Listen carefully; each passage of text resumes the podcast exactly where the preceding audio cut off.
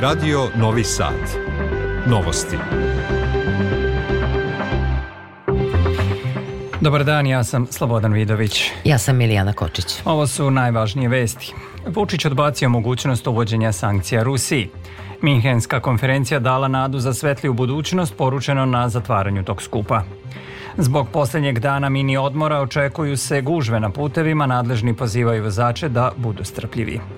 U ovoj emisiji čućete koliko košta najskuplja kuća i stan u Srbiji gde su prodati. Govorit ćemo o pripremnoj nastavi za malu maturu kao i o kreditima za penzionere. Biće reči i o obnovljivim izborima energije u našoj zemlji. Iz sporta naša plivačica Anja Crevar u finalu svetskog prvenstva u Dohi na 400 metara mešovito. Do kraja dana umereno oblačno, slično vreme i sutra, kasnije popodne slaba kiša ponegde, temperatura do 14 stepeni sada je u Novom Sadu stepen manje. Dan nakon povratka sa Minhenske konferencije predsednik Aleksandar Vučić izjavio je da će pozicija Beograda u odnosu na Moskvu biti teža posle smrti ruskog opozicionog lidera, ali i da situaciju treba posmatrati u kontekstu ruskog napredovanja u Ukrajini i američkih predsedničkih izbora. Odbacio je mogućnost uvođenja sankcija Rusiji. On je za televiziju prva rekao da je veliku štetu državi nanela hajka koja je, kako je naveo, vođena iz ove zemlje protiv sobstvene države, a istovremeno je u javnom smanjenju opala podrška Evropskoj uniji za 10%. Uči sutrašnje konstitutivne sednice Skupštine Beograda Vučić kaže da u ovom trenutku imaju većinu za Beograd, ali da će sačekati 2. ili 3. mart da vidi da li će ona i biti formirana. Suština je, kako navodi Vučić, da je bolje da nemaju vlast nego da bude i najmanja sumnja da je ukradena. Završena je Minhenska konferencija uz ocenu da je dala nadu za svetliju budućnost. Predsedavajući te konferencije Kristof Hojsgen je na zatvaranju tog skupa rekao i da Evropska unija ne može da priušti sebi luksus da čeka da se evropska odbrana organizuje i da moraju da budu brzi. Govoreći o Bliskom istoku kaže da je video nadu u nečemu za šta se i Minhen zalaže, a to je postizanje mira kroz dijalog. Osim u Ukrajini i Bliskom istoku, govorilo se i o drugim konfliktima kao što je rog Afrike, Sudan, Haiti biti. Bilo je reči i o veštačkoj inteligenciji kao i problemima sa društvenim mrežama. Hojsken je ocenio da je povrh svega najvažnije da se poštuje povelja Ujedinjenih nacija, univerzalna deklaracija o ljudskim pravima, kako bi bilo mira u svetu. Spoljna i bezbednostna politika Evropske unije okrenuta je žarišnim tačkama u Ukrajini i na Bliskom istoku, izjavio je visoki predstavnik Evropske unije za spoljnu politiku i bezbednost Jose Borelj na Minhenskoj bezbednostnoj konferenciji. Na panelu posvećenom posvećenom narednim geopolitičkim prioritetima Evropske unije, Borelji je poručio da moraju pružiti bezbednostne prioritete Ukrajini i pomoći njeno pristupanje Uniji nakon dugogodišnjih tenzija s Rusijom. Imamo i problem s Rusijom i moramo da razmotrimo različite scenarije, rekao je Borelj. Prema njegovim rečima, na Bliskom istoku potrebno je da se promoviše mirno rešenje i da se aktivno doprinese okončanju rata u Gazi. Bolnica Nasser u Kan Junisu na jugu pojasa Gaze više ne radi nakon jednonedeljne izraelske vojne opsade i racije koja i dalje traje. U Svetskoj zdravstvenoj organizaciji kažu da u toj bolnici ima još oko 200 pacijenata, najmanje njih 20 hitno mora biti upućeno u druge bolnice kako bi dobili adekvatnu zdravstvenu negu. Palestinsko društvo Crvenog polumeseca saopštilo je ranije danas da su izraelske snage artiljerijskim granatama gađale bolnicu El Amal u Kan Junisu i da je pogledan poginulo više desetina civila, uključujući pacijente i raseljene osobe. U kanjoni su više od mesec dana telekomunikacione usluge su u prekidu, što je dovelo i do prekida komunikacije između različitih timova crvenog polumeseca, navedeno je u saopštenju. Ministarka spoljnih poslova Kanade Melanie Jolie rekla je na Minhenskoj bezbednostnoj konferenciji da je izraelska ofenziva na najjužniji grad pojasa Gaze Rafu neprihvatljiva jer palestinci nemaju gde da odu. Ona je rekla da Kanada ima viziju za dugotrajan mir, ali da je potrebno da izraelska vlada bude voljna da razgovara o rešenju sa dve države. Međutim, izraelski javni servis Kan preneo je da premijer Benjamin Netanjahu planira da od svoje vlade zatraži odobravanje rezolucije kojim se Izrael protivi jednostranom priznanju palestinske države. Reuters je najavio da će Savet bezbednosti Ujedinjenih nacija verovatno utorak glasati o predlogu Alžira smatra da se zahteva hitna humanitarna pomoć i prekid vatre između Izraela i Hamasa, ali i da će Sjedinjene američke države uložiti veto na to. Rusija je pozvala sve palestinske frakcije da se 26. februara sastanu u Moskvi, izjavio je premijer palestinske samouprave Mohamed Štaje. On je potvrdio da je palestinska uprava spremna da se sretne sa predstavnicima Hamasa. Potrebno nam je palestinsko jedinstvo, rekao je Štaje i dodao da bi Hamas morao da ispuni određene predoslove da bi bio deo tog jedinstvenog palestinskog fronta? Posle zauzimanja Avdijevke, ruske trupe pokušavaju da probiju ukrajinsku odbranu na još nekoliko tačaka, a pažnju okreću ka Ugledaru. Kako navodi New York Times, situaciju komplikuje činjenica da Ukrajina nema dovoljno municije nakon dve godine borbi. Predsednik Vladimir Putin izjavio je da je sve što se dešava oko Ukrajine za Rusiju pitanje života i smrti, dok je za Zapad to samo pitanje njihove taktičke pozicije. On je takođe rekao da je Rusija spremna da mirnim putem okonča sukobu Ukrajine Ukrajini, ali da, kako rekao, nema znakova da i Kijev to želi. Još jedna vest iz sveta, u holandskom gradu Hagu sukobile su se dve grupe migranata iz Eritreje. Nekoliko automobila je zapaljeno, a pojedine prodavnice su opljačkane. Tamošnje mediji navode da je policija protiv izgrednika upotrebila suzavac na što su oni odgovorili bacanjem kamenica i cigala na pripadnike organa reda. U sukobu su oštećena tri vatrogasna vozila. Prema pisanju holandskog telegrafa sukobile su se pristalice aktuelne vlasti u Eritreji i njeni protivnici. Za mnoga je danas poslednji dan mini odmora, pa se očekuju gužve na putevima. Saobraćena policija na najfrekventnijim putnim pravcima pojačano kontroliše brzinu, vožnju pod dejstvom alkohola i psihoaktivnih substanci i vezivanje sigurnosnog pojasa. Za tri dana kontrole saobraćaja zabeleženo je skoro 13.000 prekršaja, a brza vožnja je najčešći uzrok nesreća. Pojedinosti Dragana Ratković. Od početka godine u saobraćaju su poginule 63 osobe, što je za 9 više nego u istom periodu prošle godine, a nevezivanje sigurnosnog pojasa najčešći je uzrok smrti. Samo za tri dana kontrole od 14. do 17. februara dnevno je bilo više od 4000 prekršaja, uglavnom prekoračenja brzine.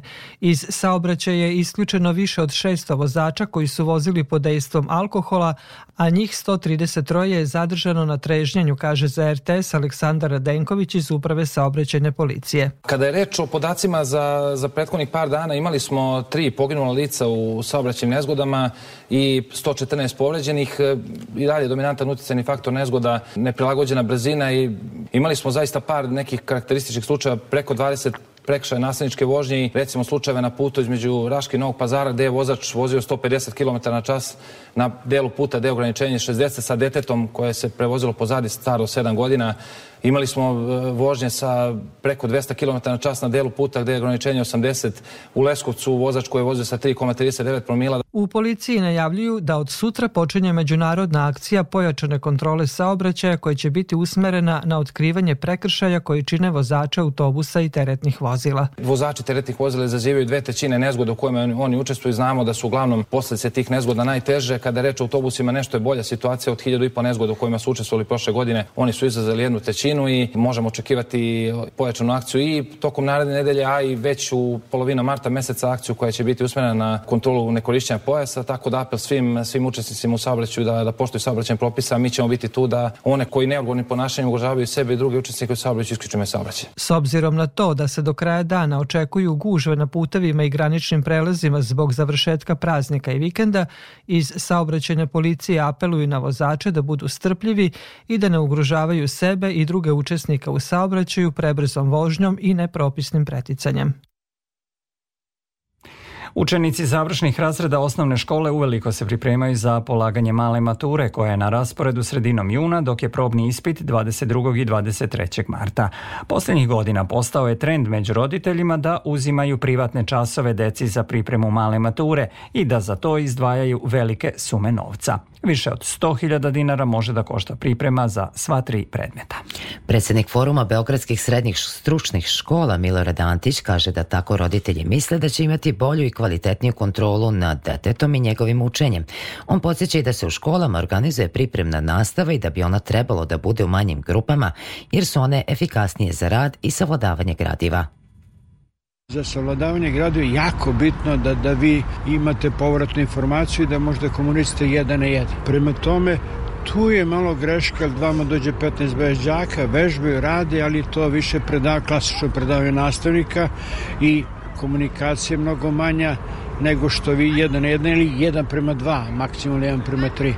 Prema tome, eto, to su mane neke prednosti koje roditelji uzimaju za, za, za, za, za decu, smatrajući da će ako plati nastavnika, da mu dete jako brzo i završi ili malo maturu ili rasit, ali malo maturu da će mnogo bolje efikasno da uradi. Ovo su novosti prvog programa radija Radio Televizije Vojvodine. Najskuplji stan u Srbiji prodat je za milion i po evra i to na Beogradskoj opštini Vračar. Republički geodetski zavod objavio je da je u četvrtom kvartalu prošle godine najskuplja kuća prodata na Savskom vencu u Beogradu za skoro 2 miliona evra. Cena po kvadratu najskuplje prodatog stana je rekordna. U tom periodu iznosila je 10.400 evra, a njegova veličina je 148 metara kvadratnih. Banke su se nerado odlučivale da najstarijim klijentima daju dugoročne pozajmice, međutim pojedine sada imaju ponude i za 80-godišnjake. Kolike kredite mogu da podignu i šta im je za to neophodno? O tome Eva Tomović. Prilikom odobravanja kredita banke najpre gledaju stabilnost prihoda koju penzioneri imaju, a procedura je najčešće čak i jednostavnija nego kod zaposlenih, kaže Dušan Uzelac sa portala Kamatica. Kada je reč o vraćanju pozajmice, većina banaka praktikuje da poslednja rata bude isplaćena do 75. odnosno 80. godine. Osiguranje može da bude jedan od uslova odobravanja pozajmice, ali samim tim to poskupljuje kredit, dodaje Uzelac. To je nešto što posredno zahteva analizu vašeg zdravstvenog stanja. Znači, neće banka da vas natera da idete na zdravstveni pregled, ali će osiguravajuće društvo da, da bude to koje to radi kao njihov poslovni model. Znači, oni e, u banci će reći, dobro, odobrit ćemo ti kredita, ali treba da uzmeš osiguranje života ili osiguranje kredita ili osiguranje nekretnine. Znači, razne vrste osiguranja tu postoje. Kada je reč o visini kredita koji se nudi penzionerima, postoji bankarska računica. Naime, mesečna rata plata koja se procenjuje u zavisnosti od visine penzije množi se sa brojem godina zaduživanja i dobija se okvirni iznos pozajmice. Govoreći o nasleđivanju dugova, uzelac objašnjava da je stambeni kredit najčešće obezbeđen hipotekom, međutim kod gotovinskih može da bude drugačija situacija. Kada klijent umre, onda ako je to cash kredit ne je obezbeđen sa nekom nekretninom, banka nema od čega da se naplati. Ako posle klijenta nema nikakve ni imovine, vremene za ostavinsku raspravu, onda ni familija ako ima i rodbina nema nikakvu obavezu da preuzme kredit. Uzelac savetuje da je uzimanje kredita bez promene finansijskog načina razmišljanja i upravljanja financijama poguban potez. Proizvodnja struje iz energije vetra prošle godine je u Evropi po prvi put premašila proizvodnju iz gasnih elektrana, što doprinosi smanjenju emisije ugljenika. Proveravali smo kakva je situacija s obnovljivim izvorima energije kod nas. Proizvodnja struje iz fosilnih goriva smanjena je u Evropi u prošloj godini u odnosu na 2022. za gotovo 20%, proizvodnja iz elektrana na gas za 15%, a iz uglja za četvrtinu. I Srbija bi korišćenjem velikih hidrocentrala mogla da zameni ugalj u velikom procentu i da obezbedi trajni obnovljivi izvor električne energije, smatra koordinator za energiju i klimatske promene u Centru za ekologiju i održivi razvoj Zvezdan Kalmar. Velike hidrocentrale, to su centrale koje bi morale da budu izgrađene na Drini, Ibru, takođe bi reverzibilna hidrocentrala bi morala da bude izgrađena ovo što se planira u Bistrici i druga najznačajniji projekat u tome bi bio zapravo Đerdap 3. Zašto ovo govorim? Zbog toga što bi onda obezbedili gašenje e, termocentrala na ugalj. Kalmar ističe da postoji veliki potencijal za upotrebu takozvanih natrijumskih baterija, koje su alternativa štetnom litijumu. Natrijum je e, šesti najdostupniji element u, praktično globalno na, na planeti i on e, daleko manje ekološke posledice ostavlja i dakle proizvodnja natrijumskih baterija nije više samo pitanje velikih e, regulacijonih postrojenja od preko 100 MW. Dakle, e, natrijumske baterije su za sada na tehnološkom nivou da su nešto teže od litijumskih, ali oni imaju neizmerno manji e, ekološki otisak. Kina već ima nekoliko velikih grandioznih postrojenja koja proizvode natrijumske baterije i koliko sam čuo čak i ne neki proizvođači automobila biraju opciju prelaska na natriumske baterije. Prema rečima našeg sagovornika, trenutno proizvodimo 350 do 400 MW struje iz energije vetra, ali imamo potencijal za još 2 GW. Međutim, on smatra da to ne smemo da činimo po cenu uništavanja obradivih površina. Filmski centar Srbije saopštio je da je i ove godine tradicionalno prisutan na Filmskom festivalu u Berlinu u okviru Evropskog filmskog marketa, gde je kroz brojne formalne sastanke i neformalne razgovore promoviše aktuelnu filmsku produkciju naše zemlje. Predstavljen je projekat Narodna drama Mirjane Karanović kao i projekat Put u utrobu reditelja Matije Gluščevića. U saopštenju se navodi da na festivalu Srbija ima dva talenta, producentkinju Čarnu Vučinić i rediteljku Goranu Jovanović.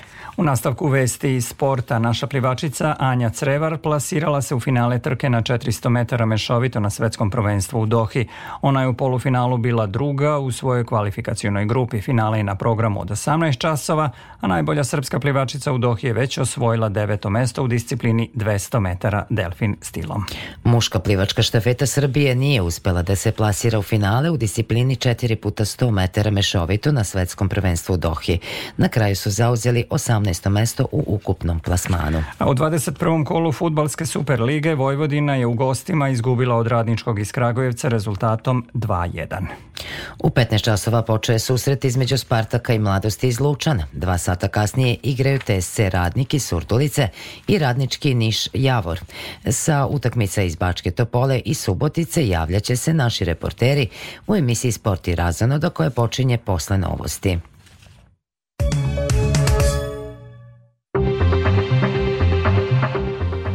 Još jedno podsjećamo na najvažnije vesti. Vučić odbacio mogućnost uvođenja sankcija Rusiji. Minhenska konferencija dala nadu za svetliju budućnost poručeno na zatvaranju tog skupa.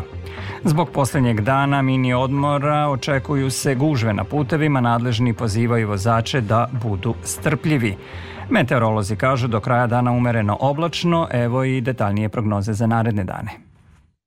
U Vojvodini u ponedeljak pretežno oblačno, veći deo dana suvo. Kasnije posle podne i uveče mestimično sa slabom kišom. Vetar slab i umeren južnih pravaca. Uveče uz kretanju zapadni i severozapadni. Najniža temperatura od 1 do 4, a najviša dnevna od 12 do 14 stepeni. U Vojvodini naredne nedelje promenljivo u smenu sunčanih i oblačnih intervala i mestimično slabo kratkozemnom kišom koja će biti izvesnija u utorak i subotu. Od četvrtka porast temperature uz pojačanje južnog i jugoistočnog vetra.